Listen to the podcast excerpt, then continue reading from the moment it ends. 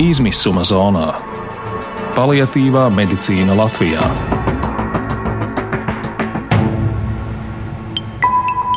Īstenības izteiksme 15 minūtēs.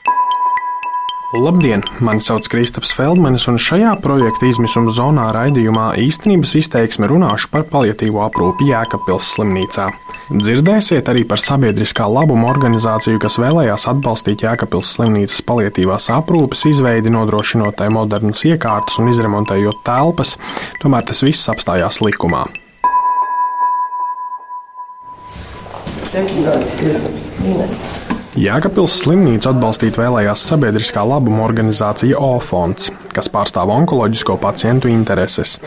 Viņi savulaik vēlējās iesākt Jēkabpils slimnīcas paliatīvās aprūpes nodaļas izveidi, stāsta OFONda valdes priekšsādātāja Inese Valdheima. Jēkabpils slimnīcai mēs bijām gatavi sniegt to palīdzību tādēļ, ka mūsu padomas loceklis ir Vilnis Sosārs. Viņš ir Rīgas Austrumu Kliniskās Universitātes paliatīvās aprūpes nodaļas vadītājs.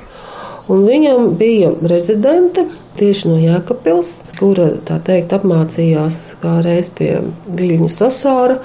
Un, um, un bija labs kandidāts, lai uh, šajā Jēkabpils slimnīcā uh, nu, to nodaļu attīstītu un, un, un um, nu, kaut ko tur veidot. Ja? Rezidente, kas pati grib strādāt ārpus galvaspilsētas un atbalsts no palietīvās aprūpes speciālistu puses. Tā bija laba apstākļu sakritība. Mums toreiz arī bija ļoti laba sadarbība ar um, Kanādas vēstniecību, un uh, mēs arī uzsākām sarunas ar, ar um, Kanādas uh, NATO militāriem spēkiem. Tagad tur būtu bijis arī uh, darba spēks no, no tās puses, ja ieteiksim, kāds remonta darbs ir jāveic. Ja. Tur būtu arī bijuši kaut kādi līdzekļi. Un, un mēs noteikti būtu spējuši arī piesaistīt vēl kādus uzņēmējus, lai to nodeļu tiešām iekārtotu, mm, cik, cik, cik nu, teiksim, uz to brīdi būtu iespējams. Tomēr tad viss sadūrās sabiedriskā labuma organizāciju likumā. OFONS ir sabiedriskā labuma organizācija, kas bez atlīdzības nedrīkst nodot mantu valsts iestādēm. Saprotot, ka šādas sistēmas vienīgais upuris ir pacients, kurš nesaņem iespēju tikt aprūpētam pēc iespējas labāk, Inese Valdheima tomēr mēģināja situāciju risināt. Tā kā mums aizvien biežāk parādījās tādi uzņēmēji, kas uh, vēlējās vai nu tur kādu mantu ziedot, nu, teiksim, kādu iekārtu ziedot um, slimnīcai, vai tad parādījās doma par um, palietīvās aprūpas nodaļas, nu, tādu tā kā izveidi, varbūt remontēšanu, ja, vai, nu, kaut kādu varbūt gultu iegādu un tam līdzīgi. Tad mēs tā kā, it kā jau zinot, ka nedrīkst, bet, nu, vēlreiz vienkārši jautājām vidam, nu, vai tomēr nav kaut kāds likumīgs uh, ceļš, uh, nu, kā lai saka, ne gluži, lai apietu to likumu, bet, bet nu, es varbūt tā arī nolasīšu, vai ir kāds likumīgs ceļš, lai izietu cauri šiem likuma džungļiem racionālā veidā. Ja? Bet nekas neizdevās. Tādas situācijas esot bieži. Nākas atteikt sadarbības piedāvājumus, jo fonds nevar iesaistīties. Piedāvājumi palīdzēt nav saistīti tikai ar palietīvās aprūpes sistēmas sakārtošanu. Tiešām ir, ir bijuši tādi ziedotāji, piemēram, kas, jā, nu viņi grib bērnu onkoloģijai palīdzēt un uh, ir gatavi nopirkt, um, cilmes šūnu transplantācijas iekārtu. Tā iekārta varētu palīdzēt ne tikai bērniem, bet arī pieaugušajiem. Tagad tas būtu tāds reāls atspējas. Bet nu, tā atbilde. Tad rakstījām mēs divas reizes par vienu un to pašu tēmu. Nu, tās atbildes, protams, ir um, kā jau no valsts iestādes ar, ar, ar garu likumu pamatojumu. Nu, tas īsais skaidrojums ir tāds, ka Sabiedriskā labuma organizācija nedrīkst bez atlīdzības nodot tai ziedoto mantu vai finanšu līdzekļus komercdarbības atbalstīšanai.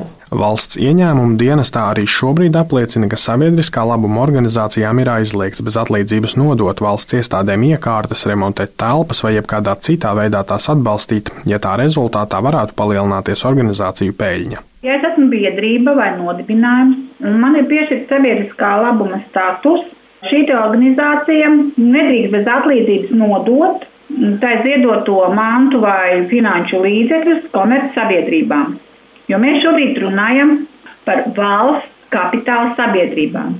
Bet eh, nerunājot par likuma apiešanu, bet kaut kādi likumīgi ceļi, kā šo risināt, vai tādi jums kaut kādi nāk prātā? Valsts ieņēmuma dienesta nodokļu pārvaldes direktora vietniece Ilze Borānce norāda, ka šobrīd likums tā nosaka un nekādu variantu nav. Vienīgais ir veikt likumdošanas izmaiņas. Kamēr likumdevējs nav mainījis šī likuma pāntu un nav noteicis izņēmumus, kam drīkst ziedot, tikmēr darbojās šī likuma norma, kas šobrīd ir ietverta. Valdeheima no O fonda šādu kārtību neizprot. Ja mēs, piemēram, kaut vai izveidojam palietīvās aprūpas nodaļu, nu ne, nu ne tā, ka izveidojam, nu, piemēram, izremontējam, tiešām kaut ko tur iegādājamies, kaut ko, ja tur varbūt medicīnas personālam atbalstam viņam izglītošanos vai kaut ko tādu, ja, Tas nozīmē, ka mēs, lūk, komercstruktūras esam atbalstījuši, lai viņiem nodrošinātu komercdarbību. Mēs esam atbalstījuši komercdarbību.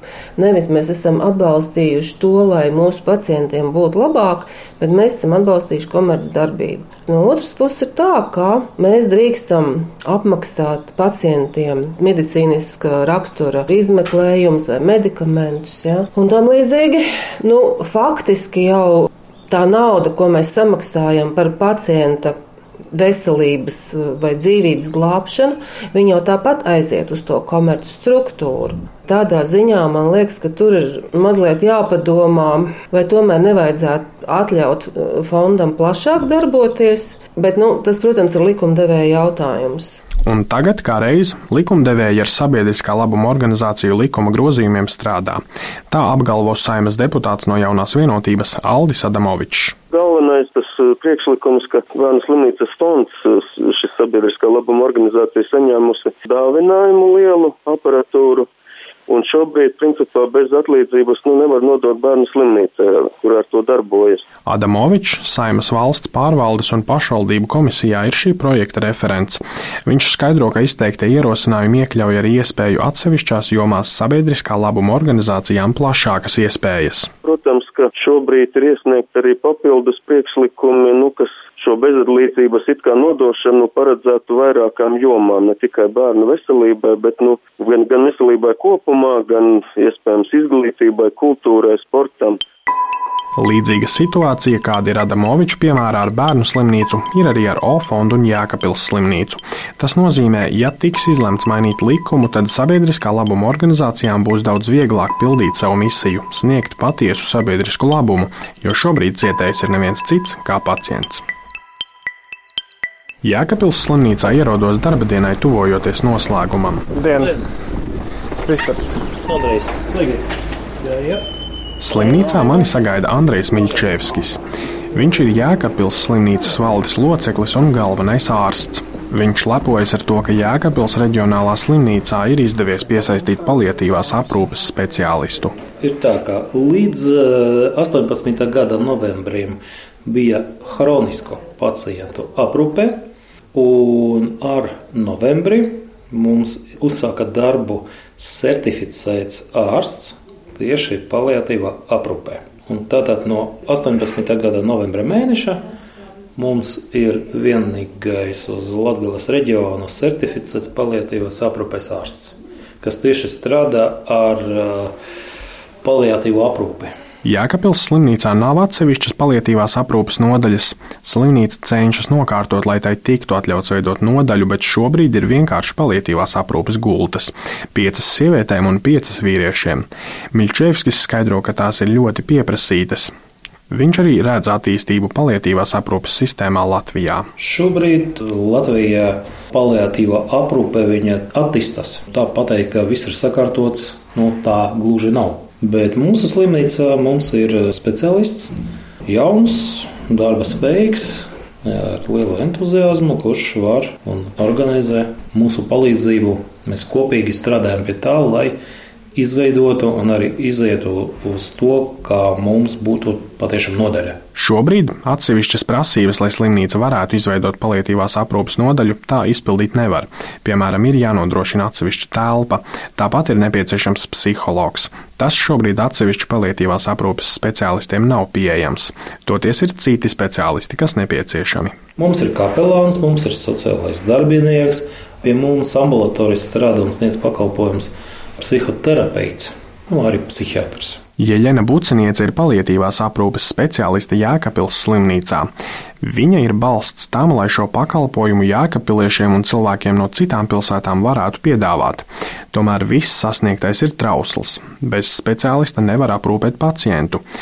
Šobrīd Jēkabils slimnīcas palietīvās aprūpes speciāliste ārste Jeļena Buceniece uz laiku darba pienākumus pārtraukusi pildīt, tādēļ līdz brīdim, kad viņa atgriezīsies, ir pārtraukts arī palietīvo pacientu aprūpes pakalpojums. Tomēr Andrejs Miļčevskis aicina sazināties ar viņu telefoniski.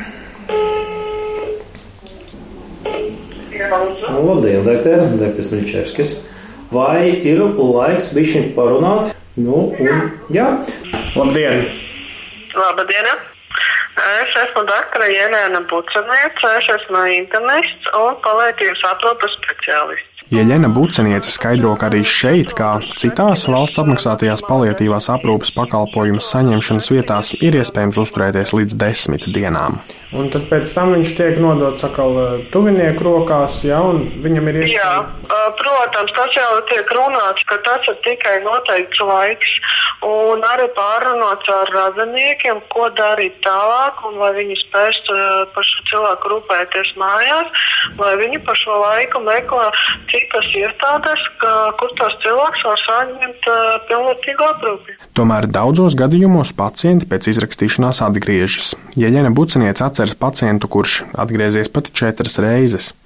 Runājot par personālu, bucinieci atzīst, liela nozīme ir ne tikai tiem, kas strādā ar pacienta fiziskajām kaitēm, bet arī ar garīgo pasauli un psiholoģiskajām problēmām. Kapelāns ir nepieciešams, bet ne visiem. Viņš vairāk būtu nepieciešams tieši psihoterapeits. Tas ir ārsts, kas tieši sarunas laikā cilvēkam ļauj izrunāties un saprast un izstrādāt kaut kādu taktiku, kā dzīvot tālāk. Protams, tā kā mums tās nav iespējams, uz doto momentu šo lomu mēģinu, cik es varu pildīt es, parunāju šīs visas lietas gan ar pacientiem, gan ar viņu piedarīgiem. Mhm. Bet, protams, tas palielina manu izdegšanu. Būdama palētības aprūpas speciālistam, izdegt man ir ļoti liela iespēja. Jēkabils slimnīca ir palietīvās aprūpes pionieris Latgales reģionā. Slimnīcai ir izdevies piesaistīt speciālistu, un tā turpina cīnīties, lai varētu izveidot šai veselības aprūpes nozarei atsevišķu nodaļu. Palīdzēt ir gatavas arī nevalstiskās organizācijas, tomēr šobrīd to neļauj likums. Pašlaik tiek strādāts pie grozījumiem sabiedriskā labuma organizāciju likumā, lai atļautu tām bez atlīdzības nodot iekārtas un uzlabot pacientu ārstēšanu, jo šobrīd šo ierobežojumu ķilnieks ir tikai un vienīgi pacients. Šo raidījumu veidoju es, Kristaps Feldmanis, bet par labskaņu rūpējās Kaspars Groskops. Īstenības izteiksme 15 minūtēs. Izmisuma zonā - paliatīvā medicīna Latvijā.